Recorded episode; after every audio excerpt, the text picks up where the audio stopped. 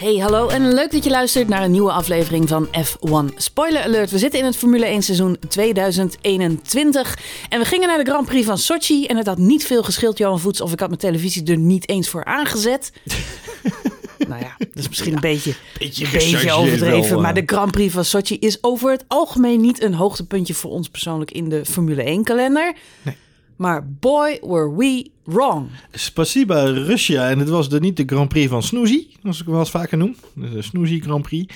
Maar dit was gewoon... eh, dit, was- een doldwaas weekend. Want het was, het, het was wederom een doldwaas weekend. Niet eens alleen de race, maar Het alles. alles was goed. Het begon al op de zaterdag. Je verwacht er geen snars van en je wordt getrakteerd op een geweldige kwalificatie. Op een buitje. Op een buitje wordt je getrakteerd, ja. De eerste pole position van Lando Norris. Ja, Wie had dat gedacht? Jij eh, zei in een tweet terecht, eh, het lijkt even alsof de jaren negentig eh, weer terug zijn. Want hoe lang was het wel niet geleden dat we een McLaren op pole position hadden en een Williams en een Ferrari en naast. op 2 en 3. Ja, dat is dat toch insane? Ja, die McLaren op pole position is nog één ding inderdaad. Maar volgens mij de laatste keer dat we dit in, in deze hoedanigheid hebben meegemaakt... was 2004 uit mijn hoofd. Dat er dus een McLaren, een Williams en een Ferrari... in de top drie van, een- van een Grand Prix stonden. Van een kwalificatie. Dus 2004. Bizar.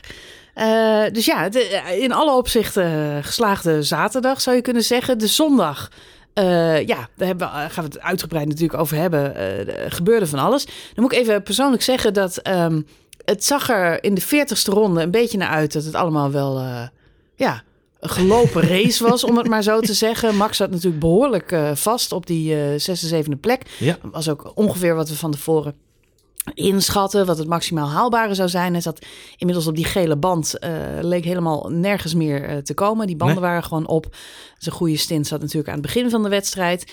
Ehm, dus het, het leek in heel veel opzichten een, eh, een gelopen wedstrijd. Ehm, nou was het ook zo dat eh, ik eh, ja, persoonlijk eh, te maken had met een eh, eh, zwemdiploma. Ja, niet voor mezelf, maar eh, er moest een zwemdiploma gehaald worden. Mensen, ja, dat kun je niet bedenken. Eh, er is natuurlijk corona geweest en eh, de zwemscholen zijn, ik weet niet hoe lang dicht geweest. Dus als je dochter dan eh, voor de A-diploma mag zwemmen, dan ga je daar natuurlijk heen.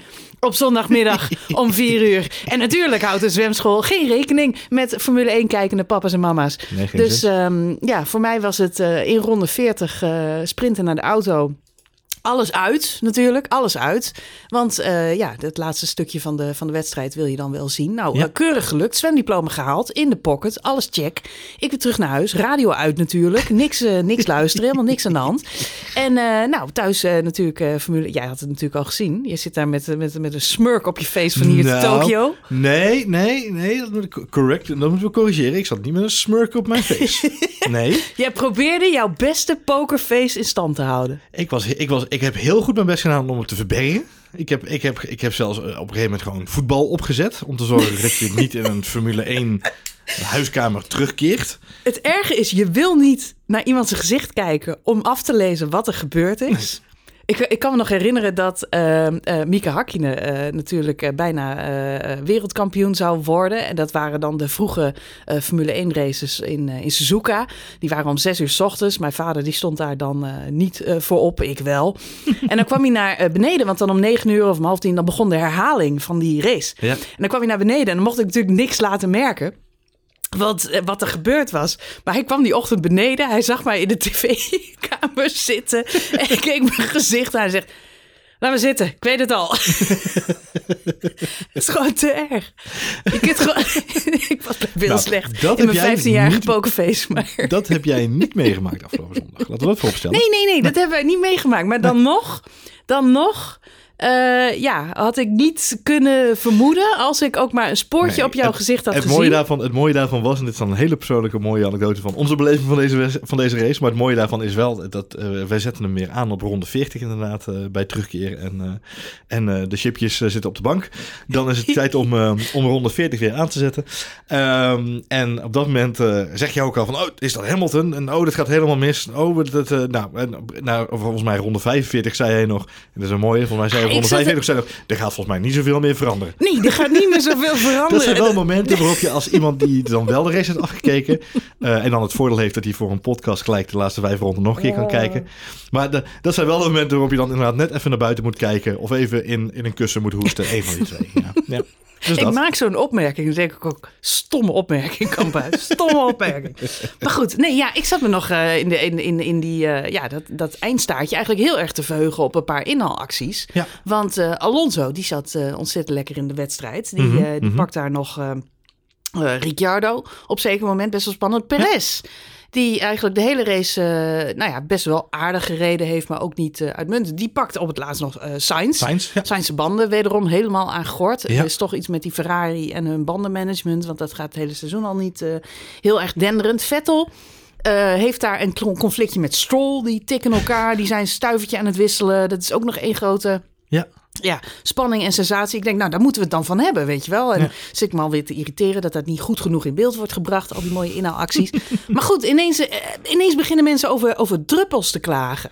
Ja, het is, een, eh, het is volgens mij is de eerste die. eh, het, het, het, wordt over de boordradio natuurlijk al gezegd. Hè. We wordt wat re- lichte regen verwacht. En volgens mij is de eerste die we daadwerkelijk over de boordradio het horen melden is George Russell. Die zegt eh, soms spots of rain. heerlijk, heerlijk Britisch. Ik had gelijk zin om een kopje thee bij op te zetten en, eh, en er een eh, scone bij te nemen bij de spots of rain. Maar hij eh, zegt inderdaad, eh, eh, hij spot wat, wat regen eh, in volgens mij dan nog bocht 10. Dus redelijk aan de achterkant van het circuit eh, zitten we dan al. Eh, en daar, daar worden de eerste druppels gezien. Dan eh, bij, in dit geval bij Ziggo schakelen we over naar Jack Ploy. Die staat dan altijd met een parapluutje in de pits natuurlijk te wachten. Dus die, en die geeft ook keurig aan bij Olaf. Nou ja, het ziet wel een beetje miseren, maar het, is, het houdt nog niet over. Maar goed en wel, het begint wel te regenen inderdaad. Dat is natuurlijk wel, dan begin je al een beetje zo in je handje te wrijven van... Nou, zou het dan toch misschien? Nou ja, Ja, je kunt eigenlijk zeggen, het was eh, voor mij letterlijk, maar het was eigenlijk echt een race in, eh, in, in twee eh, gedeeltes. Je hebt ja, de beginfase, de openingsfase. ja, daar valt ook al genoeg over te zeggen, want we zien natuurlijk Max Verstappen een hele rustige start maken. Voor wie de start nog terug heeft gekeken, hij besluit echt om die eerste paar bochten uit het gedrang te blijven. Ik denk dat het ook een slimme keuze is, want hij zit daar in de buurt van Leclerc. Ja. En we weten allemaal, Leclerc is iemand, daar moet je niet te veel in de buurt komen, want die wil nog wel eens iemand aantikken. Nou ja, sowieso in het algemeen in het achterveld. En dat zei hij ook heel keurig na afloop. Hij zei in het achterveld gebeuren er altijd dingen. Ja. En ik denk dat het groot verschil is nou, ten opzichte van, van twee jaar geleden... toen hij echt zo'n zo'n spurtstart had... waarbij Ja. hij eigenlijk op het, al, op het rechte stuk... een aantal mensen natuurlijk wist te pakken. Dat had hij nu een stuk minder. Hij maakte een voorzichtige, ah, misschien ook wat minder goede start... van de, van de streep af. En dan kies je er inderdaad voor om die eerste ronde... Ja, vrij eh, eh, eh, conservatief te rijden. Je kunt echt zien dat hij, hij, hij rijdt nu voor het wereldkampioenschap. Hm. En hij rijdt als een Hamilton of... ja, Kimi Räikkönen vind ik trouwens ook een goed voorbeeld. Die zit daar ook altijd in de achterhoede. Maar het is wel iemand die, die, die een soort... ja, hoe zeg je dat? Een soort wolkje om zich heen Een heeft. Ja, zo'n auraatje. Ja. Eh, dat, dat hij niet nooit te dicht bij mensen. Nee, je moet je eh, in realiseren, dat is goed. Jij noemt nu Kimi als voorbeeld. Ik vind dat een heel goed voorbeeld. Als je nou kijkt naar de, de, de strijders in het achterveld slash tegen het middenveld aan. Nou, voor Alfa dan dit jaar wat minder eh, tegen het middenveld aan. Maar als je nou kijkt naar Kimi Räikkönen de afgelopen twee jaar bij Alfa Romeo. Hoe vaak hij eigenlijk, nee, of eigenlijk moet ik zeggen, hoe weinig hij eigenlijk betrokken is bij incidenten. In tegenstelling tot Giovinazzi of, eh, eh, of inderdaad andere coureurs daar. Eh, zeker de mensen die hoog op willen. Kijk, de Hazen, die hoeven we niet net te kijken. Want die, ja, die, voordat die bedacht hebben dat ze een actie willen ondernemen... hebben zij ze al door alle auto's ingehaald.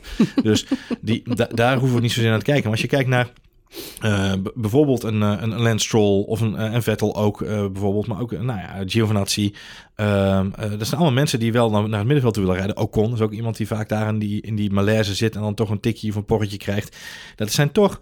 Ja, Rijkonen, net zoals Alonso overigens, zijn wel coureurs die op de een of andere manier toch altijd uit de malaise weten te blijven op dit moment. Dus ja, toch wel een talentje. Misschien is het wel een soort auraatje om hem heen inderdaad, ja. Nou, dat zijn gewoon een paar coureurs die, die, eh, ja, die laten keer op keer zien dat ze goede starts kunnen maken. Leclerc is er trouwens ook één van. Ik denk Ja. dat van alle coureurs die, eh, die achteraan moesten starten of eh, al dan niet door motorwissels of, of gewoon een slechte kwalificatie. Leclerc volgens mij de beste eh, openingsronde maakte. Volgens Ja. mij maakte hij zes plekken goed in, eh, in één rondje. Dus Ja. dat doet hij hartstikke, hartstikke prima. Maar eh, diezelfde Kimi Räikkönen, die pakte ook gewoon drie. Ja. in die eerste ronde. Dus die vecht zichzelf ook meteen richting de punten, wat natuurlijk knap is. Eh, en Max Verstappen, ja, die, die doet het wat rustiger aan, maar die heeft er ook gewoon lekker drie te pakken, drie of vier in de eerste, in de eerste ronde. Ja, die rijdt ook gewoon wel weer Dus, naar, eh, ja, naar, naar P16, 17 Ja, zelfs doet. Ja. gewoon eh, goede zaken en komt, komt vrij snel achter, achter Bottas terecht. Dat duurt dan wel ietsje, pietje langer. Maar uiteindelijk heeft hij daar eh, niet zo heel veel mee. We moeten het natuurlijk even hebben over eh, de heer Valtteri Bottas... en de reden dat hij überhaupt daar eh, achteraan ineens weer stond. Gast had net een nieuwe motor. Ja, maar het verhaal is wel, en ik het was ook een van de eerste om, om te- inderdaad, ik zei het gelijk tegen jou, oh, strategisch plannetje van de superstratege Toto Wolf. Hè. We gaan Mhm. gewoon, we offeren Bottas op om als een soort een slot op de deur daar neer te zetten. Dus ik, ik zei ook gelijk al, het zou hem heel erg sieren als hij gewoon de deur wagenwijd zou openzetten voor, eh, voor, eh, voor Max Ja, Verstappen. het begint zo langzamerhand bij Mercedes wel een beetje een Free Britney-achtige situatie te worden. Hè? Free Bottas. Nou ja, ehm, eh, na, hè, na verder onderzoek blijkt dan toch wel dat er wel degelijk ook een, een fout zat in de, in de motor die hij gekregen heeft in, op Monza vorige week. Want even goed, goed, goed wel, hij heeft in, op twee geleden, sorry, op Monza heeft hij natuurlijk een nieuwe motor gekregen. Dus hij had daar al een penalty te pakken. Maar er bleek nu dus wel inderdaad echt een, een, een mechanische fout te zitten in die motor. Waardoor ze nu eh, voor de zekerheid hem wel moesten vervangen. Ze hebben gewoon een extra motor in die pool genomen. Waarschijnlijk is het nu zo dat ze met de motor die ze nu gestoken hebben, dat ze daarmee tot het einde van het seizoen kunnen rijden. Eh, en mocht daar nou nog iets mee gebeuren, dan hebben ze deze ja, mechanische B-versie van de motor die ze hadden, waar dus een, een klein defect in zit, hebben ze dan nog achter de hand. Mocht er iets aan de hand zijn, kunnen ze daar in ieder geval mee husselen. Eh, dus ja, dat is denk ik de reden geweest waarom ze hem toch gepakt hebben. Hoewel natuurlijk net als ik, heel het internet en ook alle journalisten wel zoiets hadden van dit was een strategic move eh, onderaan de streep om Verstappen op te houden. Maar ja, dat duurde goed en wel zes rondjes en toen Ja, dat vind ik dan de ook deur wel ook weer... open. Nou, vind ik dan ook wel weer mooi van, eh van Valtteri Bottas. Je kunt wel merken dat hij zelf dat juk van Mercedes al een beetje aan het afschudden is, heb ik de indruk. We zagen hem eh, voor, eh, voor de race, zag ik hem ook nog eh, gezellig kleppend met Max Verstappen en Perez naar de, naar de grid toe lopen. Die Ja. waren gewoon lekker aan het geinen met z'n drieën. Dus ik denk dat dat voor de, voor de onderlinge sfeer alleen maar goed is. Dat Max ja, geen kwaaien aan, aan Bottas heeft. Ik moest ook wel lachen dat hij zelf na aflopen van de race gewoon een, die meme post. Ja. Dat hij achterom kijkt naar Valtteri Bottas met al zijn engines. Een Ja. hele pile, een hele stapel motoren. Dus hij ziet zelf de humor van de situatie in elk geval eh, een, wel van de, een van de betere upgrades van Valtteri 5.0 is wel eh, inderdaad de humor package. gevoel voor humor. Ja. Ja, dat is zeker, eh, zeker vooruit gaan. En we gaan het straks ook nog even over Valtteri hebben. Want ehm, hij was eh, eigenlijk eh, de eerste die aangaf... we moeten naar binnen voor intermediates. Ja. En eh, zijn team eh, wilde daarin niet mee. Dus eh, wat dat betreft, ehm, eh, ja, genoeg eh, dingen te zeggen voor eh, de sympathieke Finn. Die helaas eh, wel weer aan het kortste eind trok. Hij werd eh, vrij makkelijk eh, uiteindelijk toch verschanst door Max Verstappen. Ja. Eh, Max maakt eh, verder zijn opmars door het veld. Valtteri heeft daar toch een stuk meer moeite mee. Het is vrij makkelijk om te zeggen dat dat eh, ja, aan de eh, aan de coureurs ligt. Dat wordt natuurlijk ook gezegd. Hè. Valtteri rijdt een kleurloze wedstrijd. Max die komt eigenlijk binnen eh, niet afzienbare tijd... eigenlijk op vijf seconden achterstand van eh, Lewis Hamilton te rijden. Wat natuurlijk ontzettend knap is. Maar vergeet ook niet dat Max op een andere bandenstrategie zat... We noemden het net al even, Max kon starten op die witte band. Die witte band was op Sochi by far de beste band om op te zitten. Die gele band werkte eigenlijk alleen maar de eerste vijf, zes rondjes dat je erop rondreed. Daarna kon je hem afschrijven. Dat Ja. zagen we wel in de, in de eindstint van Max. Max die ging gretig naar binnen om, om intermediates te halen. Maar dat had ook te maken dat zijn gele band zo dusdanig aan gort was. Dat hij alles eh, wel... hij was voor full wets eh, gegaan als dat gemoeten. om maar van die rottige gele band af te komen. Dus het kwam hem alleen maar goed uit eh, dat, het, eh, dat het ging regenen. Niet alleen strategisch, maar ook omdat zijn banden gewoon op waren. Ja. Kijk, Valtteri Bottas die zat natuurlijk op een andere eh, eh, package. Red Bull had ook eh, de auto eh, behoorlijk afgesteld op een inhaalrace. Waren daar al het hele weekend mee bezig. Je hoorde dat ook in de vrije trainingen en in de kwalificatie. Nou, de kwalificatie heeft natuurlijk helemaal niks gereden. Maar in de vrije trainingen waren ze al ontzettend bezig met hoe stellen we die auto af op, op inhalen. Dus daar was bij Red Bull veel aan gewerkt. En bij Ja. Mercedes lijkt het toch een beetje alsof het een last minute call is geweest om Valtteri Bottas achteraan te laten starten. Ja, in alle opzichten heb je ook de hulp van je team nodig om een goede inhaalrace Te eh, te kunnen Ja. rijden. Strategisch, met de afstelling van de auto. eh, en ik denk dat ze daar bij Red Bull eh, hard aan gewerkt hebben. En dat was ook mede in, in Max voordeel. Ja, ik denk wel even, even dan voor Bottas wel een beetje opkomend in die zin. Bottas maakte een, echt een hele ongeïnspireerde indruk. Ook in het algemeen, weet je. Hij had ook um, de drivers interviews vooraf. Dus op de truck, hè, zo'n rondje rijden over de baan. Daar was hij ook een soort van geïrriteerd, leek het wel een beetje, over de situatie die ontstaan was. Dus ik kan me, kan me natuurlijk wel voorstellen, als hij echt die ochtend pas te horen gekregen heeft van, joh, die motor is, er zit een fout in en we gaan het risico niet nemen. Dat hij daar echt wel de balen van heeft gehad. Um, en, maar ook tijdens de race heeft hij het echt wel een aantal keren gewoon echt laten lopen. Hij reed ergens, net voordat de regen daadwerkelijk begon, reed hij ergens rond, rond P14. Even om aan te geven, in een Mercedes, vanaf P17 gestart, reed hij naar P14. Er zijn drie plekjes. Die heeft drie plekjes gewonnen. En uh, zelfs Toto Wolf is nog bij hem op, uh, op, de boordradio gekomen van... hey, kom op, uh, er tegenaan, Bottas. We kunnen you can still gewoon... this race. Ja, we zitten nog steeds op een podiumfinish. was in eerste instantie, toen was het top 5 en toen was het points are still on the board. Maar ze kregen hem niet vooruit geduwd. En ik denk dat het ook heel sterk is geweest, een, een, afweging van, van, van Valtteri om als hij er echt in zit, dat heeft hij op Monza laten zien. Als hij er echt voor gaat, dan kan hij echt wel die auto. Uh, want we weten allemaal, uh, Bottas is geen pannenkoek. En uh, onderaan de streep vraag ik me nog steeds af of hij er beter aan doet om, om naar Alfa te gaan of naar Williams. Dat hij misschien wel beter naar Williams had kunnen gaan qua package voor volgend jaar. Als je ziet hoe Williams nu vooruit gaat, ja zeker. Denk, denk dat hij daar misschien nog wel beter op zijn plek was geweest. Qua groei en qua mogelijkheden om dat vooruit te helpen. Ik denk dat Bottas absoluut, als hij zo'n goede dag heeft, ook mentaal in staat is om die auto gewoon naar het punt toe te rijden. En feitelijk doet hij dat ook hè, in, de laatste, in de laatste stint van deze race. Maar het, hij was in de eerste fase van deze wedstrijd. Nou, ik weet niet hoeveel koffie erin zat, maar niet genoeg in ieder geval. nee, het was niet best. Maar goed, ik pleit een klein te, beetje. Te veel pap, te weinig koffie. Ja, ja, ja, nou goed, een klein beetje pleitend voor Bottas. Hij krijgt ook weinig uh, support, vind ik, uh, vanuit zijn team. Het is alsof uh, er is wel support, maar het is, er is geen synergie. Hij nee. heeft geen vertrouwen meer in zijn team. Zijn team heeft geen vertrouwen meer in hem. Dat zijpelt door. Hij, onderaan de streep krijgt hij de lullige klote klusjes. um, als hij zelf een keer iets wil over de boordradio, krijgt hij eigenlijk altijd te horen: gaan we niet doen. Valt er uh, zoek het, het Valt er iets wc-papier is op, kun je even naar de Formule 1 shop om Formule 1 wc-papier te halen. Het is gewoon, uh, het, het, ja, het loopt niet lekker. Nee, het is, uh, maar nee, goed, het is heel duidelijk dat daar uh, aan de ene kant, aan de, aan de kant van Bottas zelf, lijkt er een soort pak, pak van zijn, van zijn een last van zijn, van zijn pak, in zijn geval, last van zijn schouders, een last van zijn pak van zijn, zijn hart. brede schouders. maar dat, dat, daar lijkt wel iets, iets te zijn, zijn losgekomen. Wij noemen het nog steeds gekscherend de humor packages geïnstalleerd op 5.0.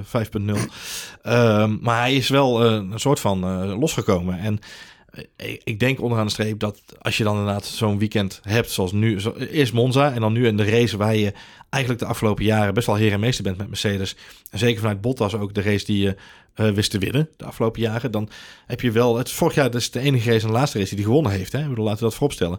Dus uh, ik denk dat hij er echt wel op gebrand was om dit weekend eigenlijk een goed resultaat te halen. Ik denk dat ze bij Mercedes ontzettend te behalen hebben gehad van die kwalificatie. Want dat was natuurlijk één grote uh, shitshow, uh, om het maar eventjes in keurig Nederlands uit te drukken. Ja, te, te met, name, conservatief. met name met dank aan Lewis Hamilton, die ja, uh, zijn ja. auto tegen de muur aan parkeert van de pitstraat en daardoor de pitstop van Bottas ook comprimeert. Hè, de wissel, de wissel Zeker. daar. Dus die, die, hij heeft natuurlijk de balen gehad van, nou ja, de, ik moet aan de kant voor die gast die op nummer 1 staat in het kampioenschap. Vervolgens verprust hij zijn, zijn inlap, rijdt hij tegen de muur aan bij het binnenkomen van de pits, waardoor mijn pit gecomprimeerd wordt. Dus ik word ook genakt in mijn kwalificatie, alles om elkaar. Ik kan me wel voorstellen dat hij de baan laat. Ja. Ja, het is in alle opzichten uh, is hij gewoon tweede rang. Volgens mij zeiden we het uh, vijf uh, podcasts geleden al. Tien, uh, Valtteri ja. Bottas gaat geen race meer winnen in 2021. Dat nee, was als eigenlijk het dan, als dan Mercedes ligt niet. het voorjaar al bezegeld. Dus dat weet hij. En ja, dat is natuurlijk ook een beetje een deprimerende gedachte dat dat uh, zo is. Ja, Overigens be bespeur ik bij Perez een beetje dezelfde hangende schoudertjes. Die heeft het hele seizoen ook een beetje in de in de ring gegooid, uh, lijkt Ja, dat gevoel dus, heb ik inderdaad uh, ook wel een beetje. Alhoewel hij dus dit weekend wel weer ineens een wederopstanding heeft. Ik zou niet zeggen als een phoenix uit de as, want dat zou heel erg overdreven zijn. Nou, maar hij weet wel hij in de, zien, ja. ja, in de tweede stint. Hè, want jij zei deze wedstrijd had eigenlijk drie, of twee delen zei ja, maar eigenlijk is de wedstrijd in drie delen. Hè, want Mm, je, hebt die, mm. je hebt die eerste stint, dan heb je de, de eerste pitstop gehad, dan heb je die tweede stint en dan komt nog dat, dat toetje aan het einde. Ja. Uh, dus eigenlijk maar in dat, in dat tweede stuk, hè, de, maar eventjes de tweede stint te noemen na de pitstops. Ja, daarin weet Perez natuurlijk wel uh, behoorlijk indruk te maken, vind ik. Absoluut. met name ook met met zijn committed inhaalmanoeuvre op, uh, op Daniel Ricciardo.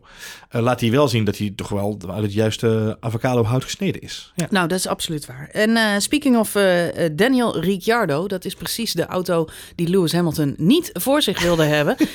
maar dat was wel het geval, want we zagen natuurlijk bij de start een hoop spanning en sensatie. Ja. Lando Norris stond eigenlijk op het verkeerde kantje van de baan. Carlos Sainz startte op het stuk van de baan waar veel rubber lag. Met name omdat er uh, ja, veel gereest was ook dit weekend. Ja. En aan die kant uh, was het gewoon uh, veel lekkerder starten. Beter berubberd. Dus je ziet ze uh, redelijk uh, gelijk uh, wegkomen.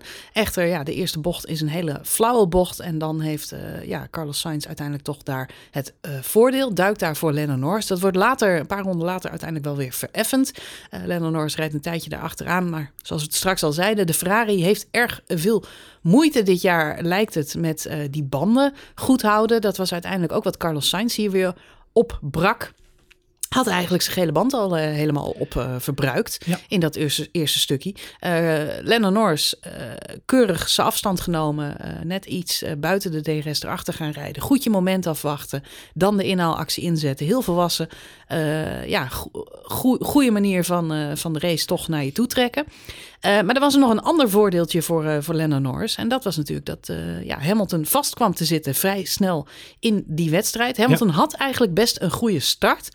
Maar maakt eigenlijk daar uh, ja, de fout, zou je het kunnen noemen, door achter Lando Norris te gaan zitten.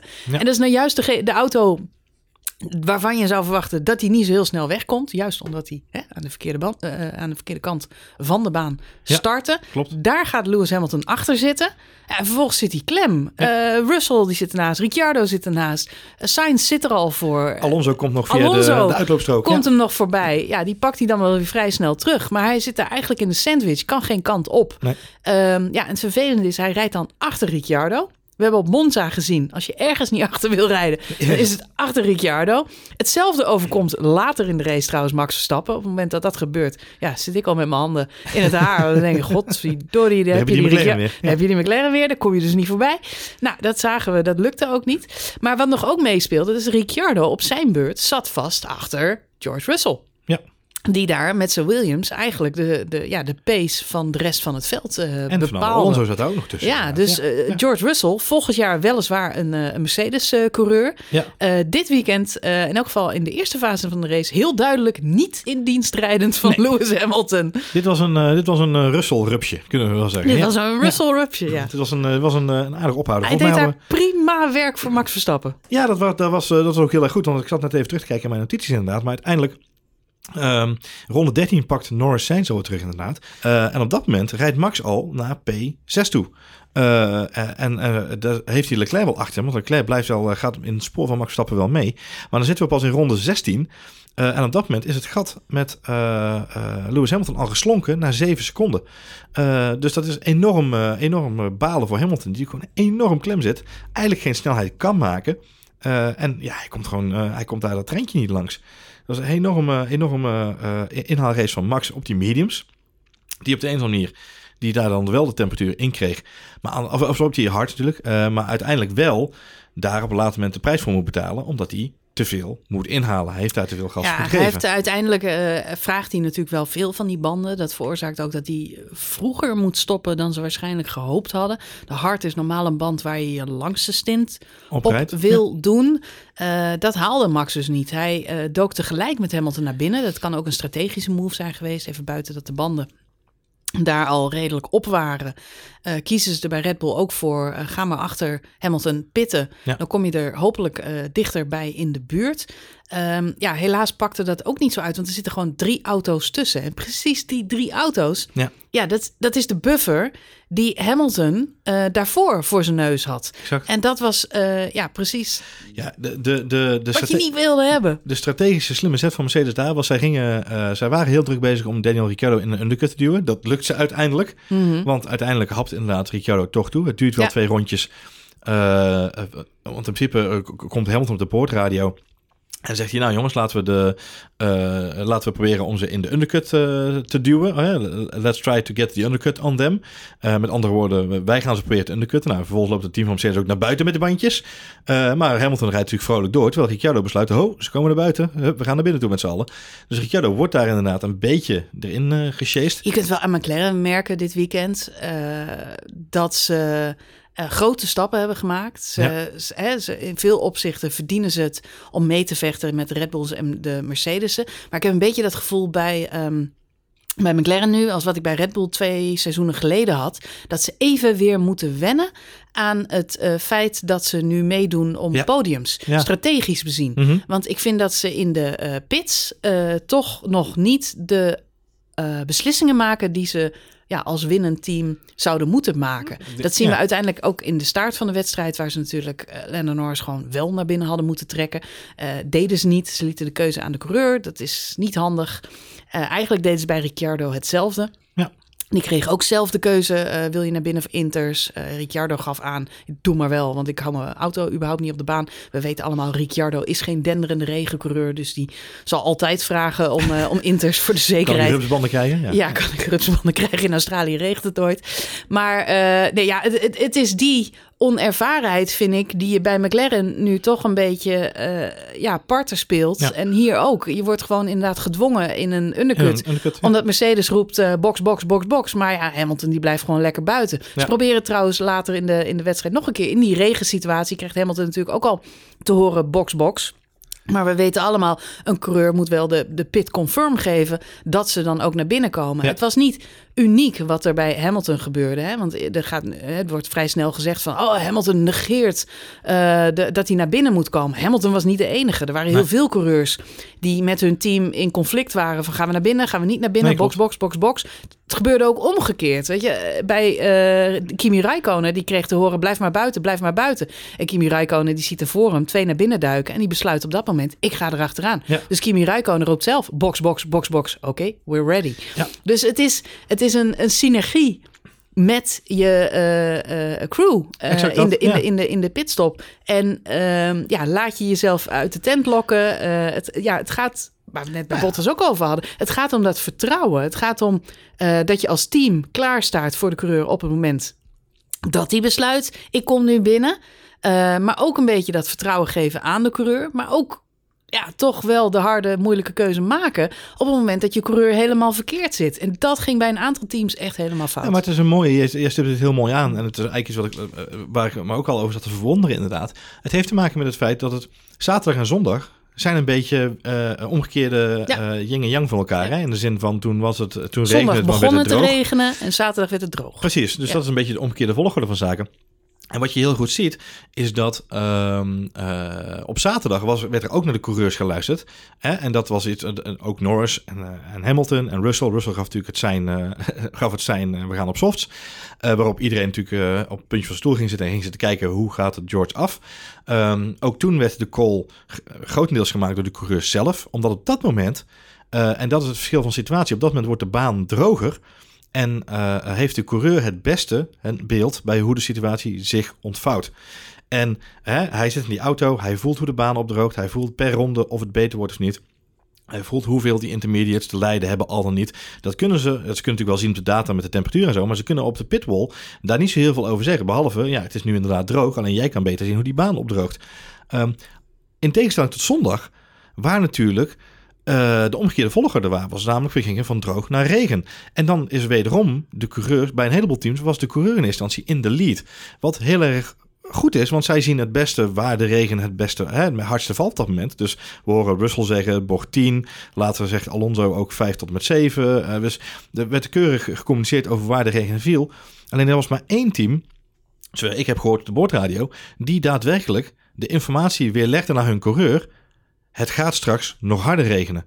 En dat is informatie, dat weet een coureur niet. Want de coureur zit in de auto, die kan de baan beoordelen. Maar is geen Piet Paulus, maar die ook nog eens weer kan beoordelen. Dus dat is de wisselwerking waar je het over hebt inderdaad.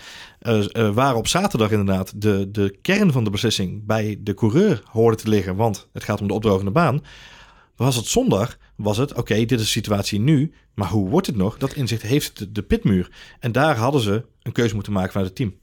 Ja, klopt. Ik heb uh, na aflopen van de race uh, ja, de laatste vijf ronden nog een aantal keren uh, teruggekeken. Vanuit alle hoeken en standen? Vanuit alle hoeken en standen. ik heb zo'n beetje ieders boordradio met uitzondering van de Hazen en, en de Latifi's, want die geloof ik wel. Het was best leuk geweest om Mazepin te volgen in die regen. Ja, zeker, want die duikt ook als een van de eerste naar binnen. Maar ja. dat is gewoon, gewoon uit veiligheid. Ja, uit veiligheid. Hadden die race kunnen afvlaggen. Ehm, nee, ja, het, het, het, is heel interessant om, om al die boordradio's terug te luisteren en te, en, en te analyseren wat daar nu precies gebeurt. En uh, we hebben het er net al kort over gehad. Het, be, het begint te regenen op een aantal punten op de baan. Het wordt glad.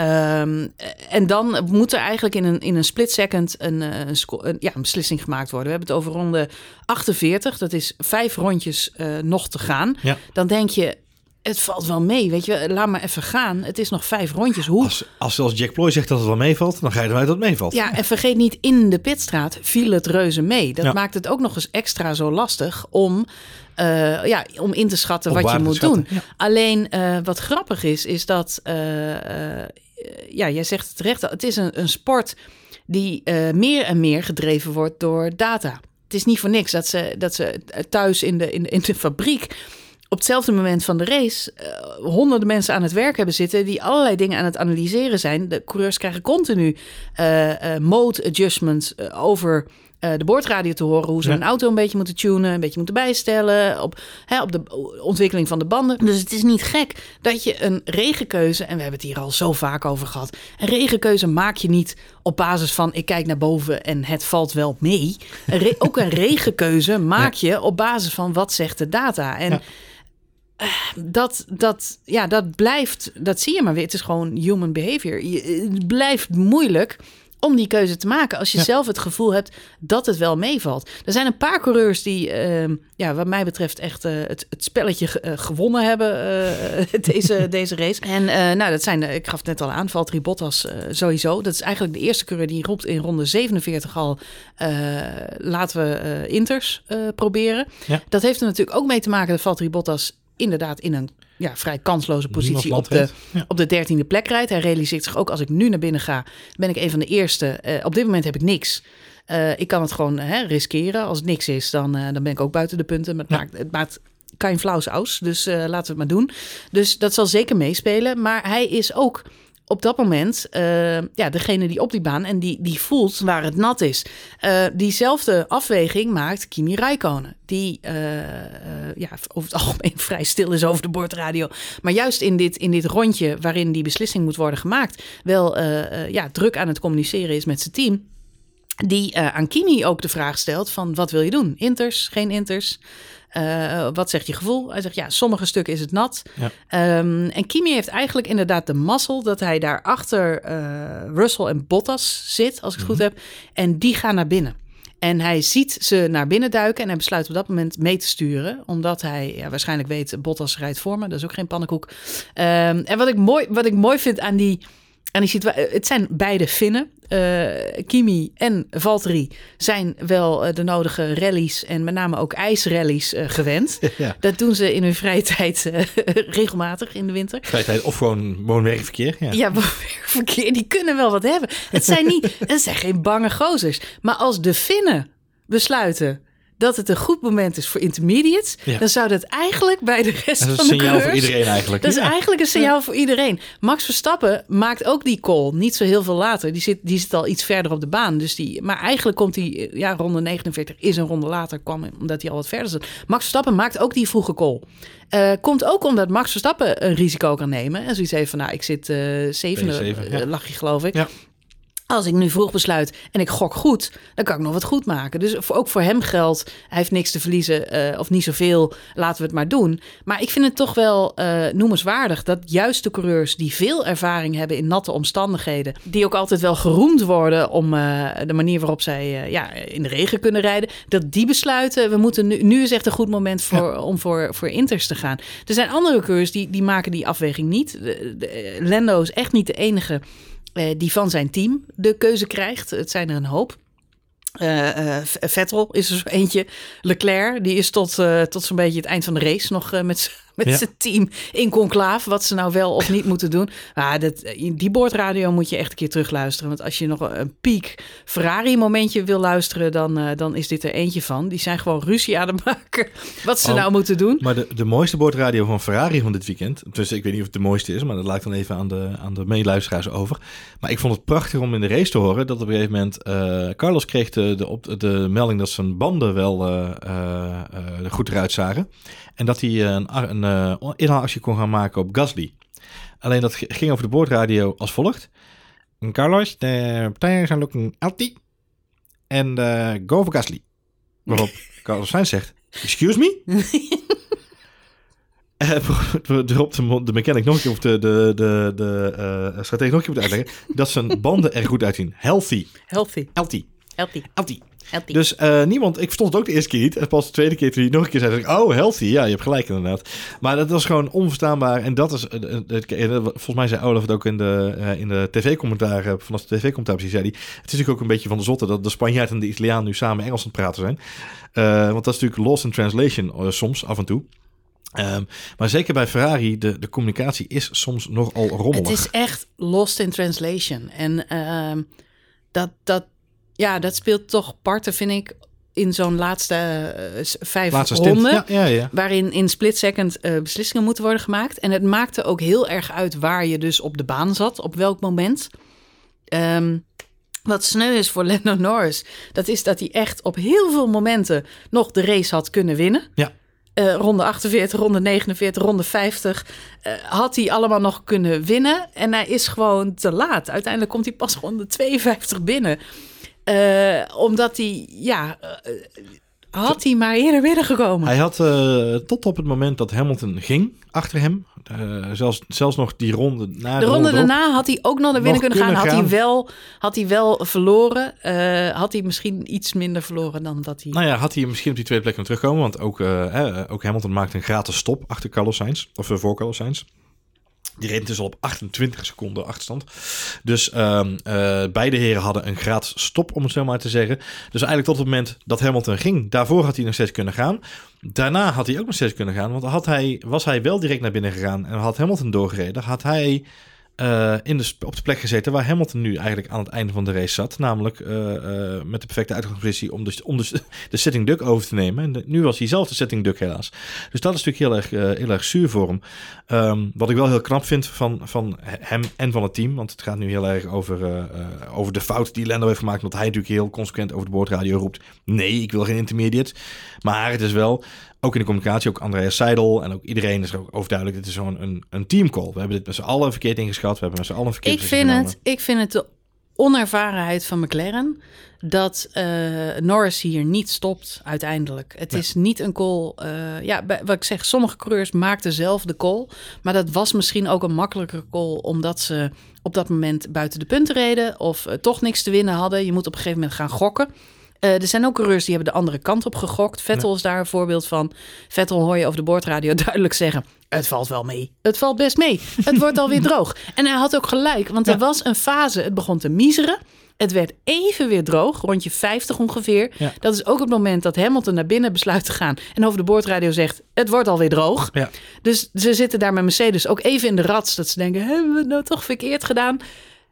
Lando rijdt om die reden, ook ronde 50, gewoon door. Iedereen die dan nog rijdt, denkt de goede keuze te hebben gemaakt. Ja. Hamilton is de enige die stopt in ronde 50. Hè? Hij is de laatste van de vroege stoppers. Dus je hebt Russell, Bottas, Raikkonen en Mazepin. Dat zijn de early birds. De early die birds, die, die ja. denken, we hebben niks te verliezen. We zitten toch buiten de punten. We gaan sowieso naar binnen. Ja. Ehm, plus de baan is gewoon nat. En eh, ja, dit wordt een tricky situatie. Dus die gaan naar binnen. Dan heb je ronde 49. Dan is er een hele groep die denkt... oké, we moeten hier ook iets mee doen. Dus dan heb je Latifi. Die rijdt overigens niet door. Nee. Die eh, komt binnen, maar die zien we nooit meer naar buiten gaan. Die is ergens afgehaakt. Die, die- ik weet niet wat er daar aan de hand Ah, is. jongens, het regent. Laat maar gaan. Ja, maar die hadden geen natte banden meer. Ik Nee. heb geen idee.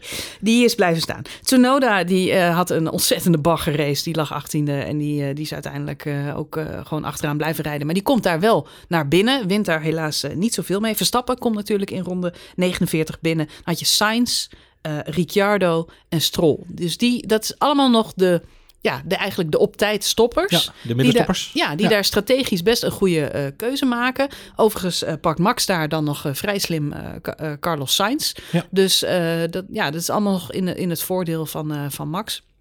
En Carlos Sainz, die was eh, behoorlijk eh, ja, zijn race uh, vernacheld. Hij kreeg na afloop geloof ik de vraag, hè, are you surprised? Ja. Waarop eh, Carlos Sainz, ja, not surprised. En, vergeet niet, hij startte op de derde plek. Ja. Ja, Carlos Sainz had een hartstikke goede uitgangspositie. Alleen zijn race werd behoorlijk vernacheld door ja, eigenlijk die bandenstrategie Ja. die gewoon ja, niet best was. Of in elk geval, of Nou ja, nou door hem gewoon, zelf eh, kwam ze- of door de Ferrari. gewoon- Maar Die, die, ze hebben de, de afstelling niet goed genoeg gedaan om die banden te kunnen sparen. En daar is hij gewoon door de dupe van geworden onderaan de streep. Dus vanaf twee starten en dan vervolgens drie eindigen is volgens mij voor Ferrari op dit moment... Weet je, als jij van tevoren tegen me had gezegd aan het begin van het seizoen dat Carlos Sainz eh, gewoon 112,5 punten, het zijn totaal 112,5 tegenwoordig, eh, maar gewoon op P6 staat eh, met een Ferrari. eh, wat is gewoon een hartstikke goede prestatie. En hij staat boven Charles Leclerc. Hè? Dat ook nog eens even, voor alle duidelijkheid. Maar weet je, die Ferrari, is- het is gewoon zijn derde podium van dit jaar.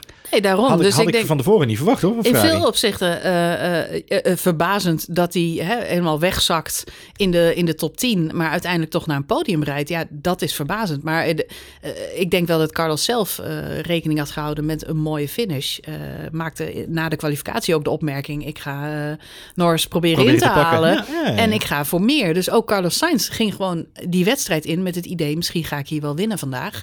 Nou ja, goed, we weten allemaal wat er daarna gebeurt. Maar uiteindelijk dat hij toch.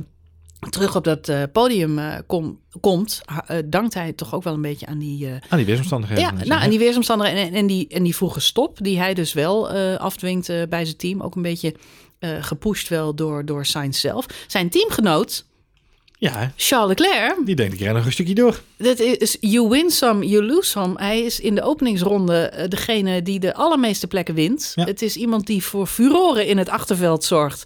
Want eh, als eh, Charles Leclerc op de baan is, dan gebeurt er altijd wat. Ja. De ene mooie inhaalactie na de andere. Aan het eind van de race is hij wel een beetje de, ja, de schlemiel van de dag. Nog meer dan eh Lando Norris, want hij rijdt eh, nog langer door dan Norris.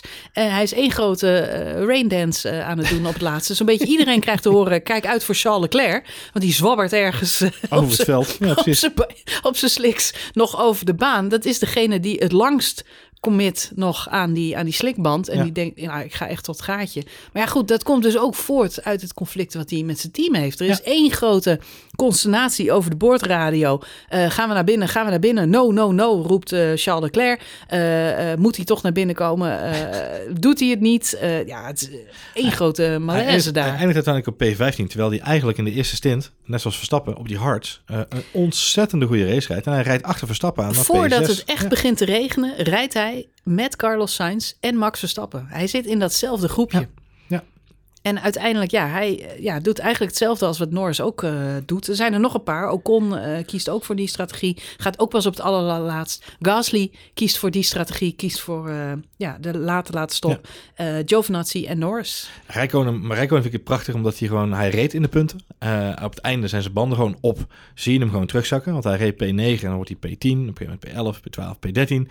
Dan komt de regen, hup naar binnen, bandenwissel, gaan met die banaan en dan eindigt hij uiteindelijk gewoon hartstikke keurig ehm, op die achtste plek. Dat is gewoon echt, ik vind het zo cool. Dat eh, Het is wel zo dat, eh, dat zie je dan ook wel weer, dat in die, in die eindfase met die intermediates, zowel Raikkonen als Russell klagen nog over eh, die laatste stint op die intermediates. Dan zou je Ja. zeggen, het zijn maar vier, vijf rondjes. Hoe, hoe moeilijk kan het zijn? Maar als ik goed heb begrepen, had Russell in elk geval gebruikte intermediates ja, eh, klopt. Onder. geen nieuwe intermediates meer. Nee, Dus, eh, dus daar had hij wel behoorlijk last van. En als ik het goed begreep, ik weet niet zeker of Raikkonen ook op gebruikte zat. Mhm. Of dat hij omdat hij zo vroeg de stop maakte, toch ook nog wel in het droog moest rijden op die intermediates. Ja. eh, daar veel gevraagd heeft eh, Ja, op want die dat was een discussie stukken. die ook al genoemd werd. Hè? Dat veel Precies. mensen zeiden, je had niet eerder kunnen gaan. Eigenlijk het groepje van Max Verstappen, dat was eigenlijk het perfecte, Het moment, perfecte om te gaan. Omdat je daarvoor had je waarschijnlijk in de laatste twee sectoren van de laatste ronde... had je je, je intermediates helemaal opgefroten. Ook Max krijgt te horen over de boordradio. Hè, wees voorzichtig met die bandjes in die droge stukken. Ja. Want eh, ja, daar hebben ze het zwaar. En je moet er wel zuinig op zijn nu. Dus het is ja, in alle opzichten ehm, ja, een, een, een kansspelletje. Eh, iemand die daar ook wel eh, erg van baalde na afloop was eh, Fernando Alonso. Die hoor je op de boordradio ook echt uh, contact hebben met uh, wat gaan we doen, wat gaan we doen. En Fernando die wijst het team erop, kijk naar die radar. Weet je, vraag het niet aan mij. Nee. Jullie hebben de radar daar. Uh, dus dat vond ik dan ook wel weer mooi. Dat je, je hoort, kijk, Vettel, die, die doet gewoon een door die. Die is gewoon, nou, laten we het proberen vol te houden. En uiteindelijk finish die twaalfde, zeg ik even uit mijn hoofd. Ja. Um, en dan zegt hij ook, uh, zo gauw de finishvlag valt, zegt hij, ah, bad luck. Weet je wel, dit ja, uh, game of chance. Ja, we did our best. Um, uh, hij heeft gegokt. we took a gamble en, het is niet gelukt. En nee. als het droog was geworden, dan had hij mazzel gehad. Want dan had hij nog auto's kunnen inhalen. Ja. Ja, goed, verkeerd gegokt, uh, verloren.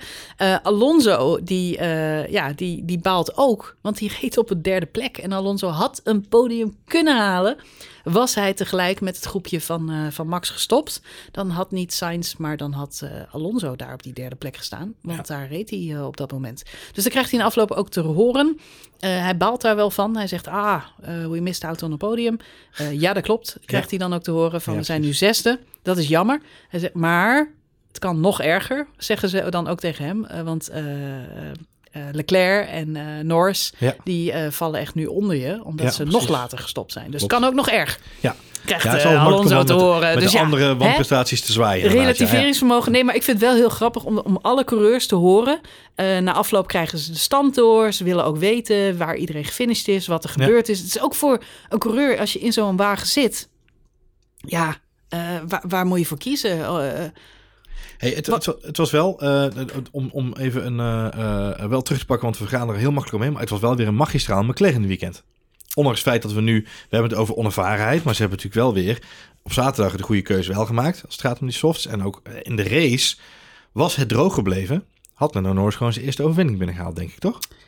Jazeker. Als het niet was gaan regenen, dan had uh, die McLaren makkelijk, denk ik, die, uh, die Mercedes achter zich kunnen houden. Puur en alleen omdat dat ja, de vorige race ook zo uh, was. En dan is de vraag, die, die resten, nou, als, had Ricciardo nog wat kunnen doen in de laatste fase van die race met, met misschien wat, wat extra vermogen en nog wat, wat op, op zijn bandjes zat, om nog naar het podium toe te komen. In ieder geval richting Perez.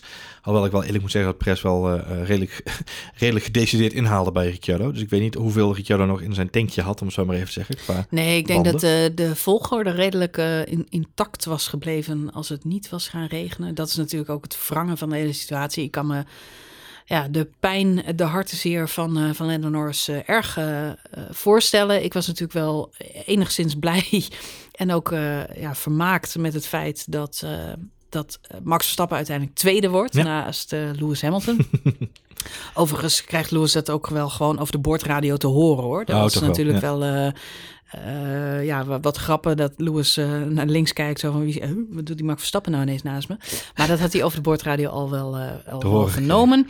Ja. tevens hebben ze hem al geïnformeerd over het feit dat Norris dus naar de zevende plek is teruggezakt. Dus hij was wel van al die informatie op, op de hoogte.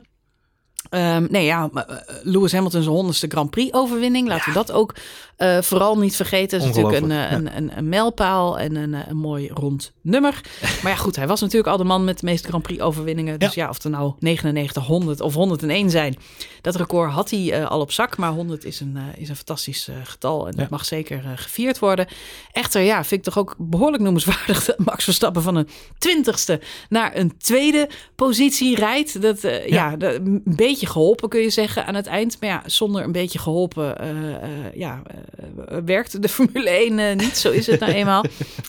het is ook zijn call om, om naar binnen te gaan voor, die, voor die Inter samen met het team. Dus als je het hebt over goede synergie, dan is het toch weer heel erg fijn om te horen dat die er bij bij Red Bull wel is. Ik vind ook dat het team blaakt van het zelfvertrouwen. Ik vind dat Max blaakt van het zelfvertrouwen. Je hoort bij Hamilton over de boordradio. Uh, veel geheig, uh, veel gezucht. Je kunt merken dat hij moe is, dat het intens voor hem is. Ja. Uh, zo kennen we Hamilton de laatste races al. Hij staat onder druk. Jij noemde het al. Hij maakt veel foutjes dit weekend. Ja. Rijdt de lollipop man omver, tikt zijn vleugel eraf.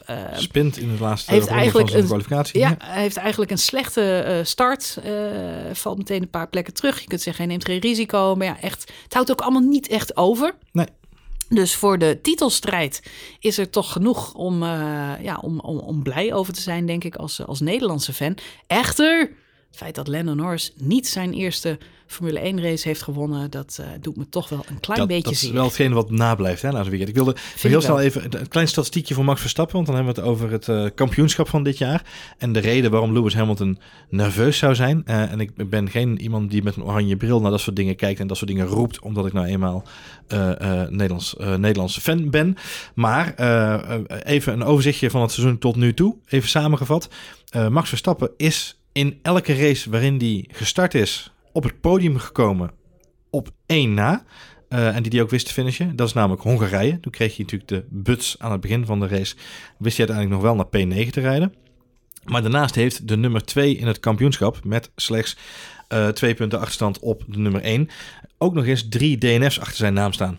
Eh, om maar even aan te geven, Max Verstappen rijdt of P1 of P2. Eh, of hij finisht niet. dat is een beetje de, de uitkomst van het seizoen van dit jaar.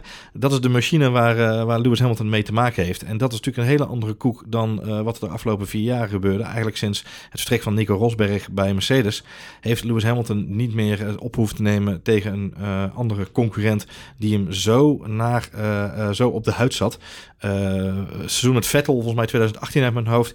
is het nog wel even een keer stuivertje wisselen geweest. Maar zaten we eigenlijk richting de zomerstop... of net na de al tegen een voorsprong van 40, 50 punten aan te kijken bij Hamilton. En was de vraag eigenlijk altijd een beetje... pakt hij hem in Mexico of pakt hij hem daarna? Nou ja, dat gaat hem zeker nu niet lukken. Want wat ik al zeg, eh, als je het overzichtje van de races van dit jaar bekijkt... op Hongarije na... Max staat of op het hoogste podium of één treetje ernaast... Uh, of hij finisht niet. Maar dat is een beetje de, de, de, de machinerie waar hij mee te maken heeft aan de kant van Hamilton. Dus ik snap zijn, de druk wel die op zijn schouders rust. Uh, andersom is het wel heel krachtig om te zien. Maar volgens mij hebben we dit weekend ergens ook al gezegd... dat uh, Verstappen zo mentaal sterk op dit moment in de wedstrijd zit. Ja, weet je, die heeft de test al gehad met uh, drie keer 65.000 Nederlanders uh, uh, op vrijdag, zaterdag en zondag in een, in een volle arena gepakt om die te entertainen. daar is hij ook met glans doorheen gekomen. Dus ik denk dat dat heel erg veel boekdelen spreekt over hoe hij mentaal op dit moment in de, in de wedstrijd zit. ik ben gewoon heel erg benieuwd. Ik vind het wel ik fingers crossed dat Lando Norris en McLaren dit jaar nog verder aanpakken en aanhaken. En dat die eerste overwinning er wel komt voor Lando Norris. Want het zou echt, het moet geen ding voor hem gaan worden. Die er nu gelukkig. Dus nu snel die eerste overwinning, want dat gunnen we met z'n allen volgens mij. Dus... Uh... Absoluut. Ja, laten we hopen dat dat uh, komt. Ik denk wel dat dat moeilijk wordt. Lando Norris die uh, realiseerde zich natuurlijk dat hij hier op uh, Sochi de beste papieren had. En dat kwam met name door die uitgangspositie ja, die hij op zaterdag uh, waar die kwalificeerde. Ja. ja, en qua druk, jij zei het al, het is nu nog zeven races zeven de rest races. van het seizoen. Ja. Uh, Max heeft zijn kopie er goed uh, op staan op dit moment. Hamilton wat minder. Maar ja, kan zomaar draaien hè, straks. Ja. Dus het is wel nog zeven races en nu komt het er echt op aan. Het verschil is drie punten uit mijn hoofd. Ja, uh, twee. Twee, ja.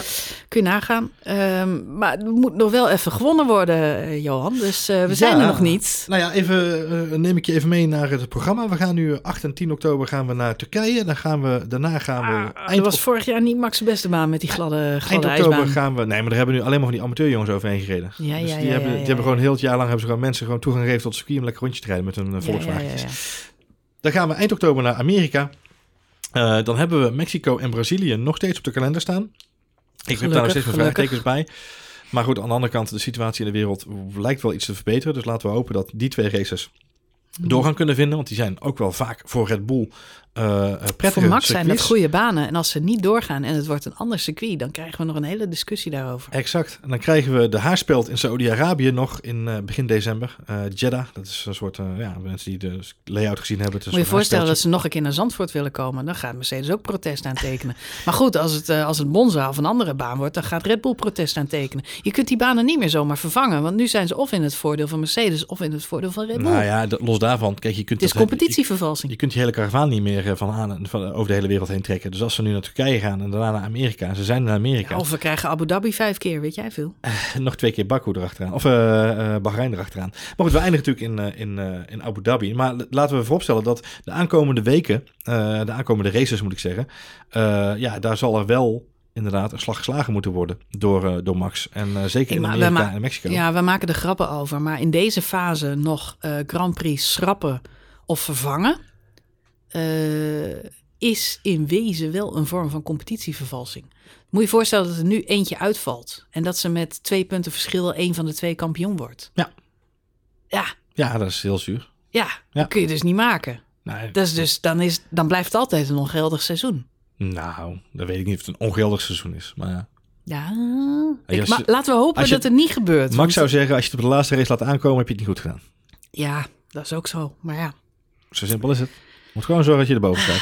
goed. Eh, laten we hopen dat eh Lando Norris inderdaad wel nog die overwinning gaat pakken. Ik gun het hem zo verschrikkelijk, maar het gaat komen. En eh zijn buddy George Russell, die stopte naast hem in de, in de pitstraat na Die kent afloop. het gevoel. Ja. Die eh, weet maar al te goed hoe eh, deze emoties eh, voelen. Die heeft het vorig jaar ook aan de lijve ondervonden. Dus die eh, klapte hem eh, op de schouders en die zei: Kom op, mate. On to the next one. On to the next one. En die overwinningen voor die twee eh, Engelsmannen, die gaan er eh, zeker komen. Zeker is het komen. niet dit seizoen, dan is het hopelijk eh, volgend jaar. Zeker. Goed, we gaan afronden de Grand Prix Yes. van Sochi 2021. Hadden we nou ooit verwacht dat we zo lang uitzending nee, zouden maken over de Grand Prix van Rusland? Sochi. Dus volgens mij, ik moet even terugzoeken, Johan. Maar vijf jaar, Vijf spoiler alert, Rusland? Ja, is dit denk ik de langste zomaar podcast kunnen. Over Sochi kunnen. die We gaan ooit opzoeken. We gaan gemaakt opzoeken. Ik noteer hem even. Ja, goed. Maar ik weet niet of hij ooit zo geëvenaard gaat worden. eh, met een beetje dank aan de, aan de regen. Aan de weergoden. Ja. Ja, Eh, nee, we gaan ons opmaken voor, eh, voor, voor de volgende race. Die is pas weer over twee weken. Klopt. Dus 8 eh, tot 10 oktober. Ja. 8 tot 10 oktober. Dan, dan zijn we er weer. Mochten er in de tussentijd ja, belangrijke updates of wijzigingen zijn, dan laten we ons natuurlijk voor die tijd nog even horen. Komen we in de lucht, in de ether zou ik willen zeggen. Ja, ja, nou qua silly season valt er niet zo heel veel meer te bespreken. Er is geloof ik nog één plekje bij Alfa Romeo, maar ja, wie zou daarheen gaan? Ja, Giovinazzi. Giovinazzi.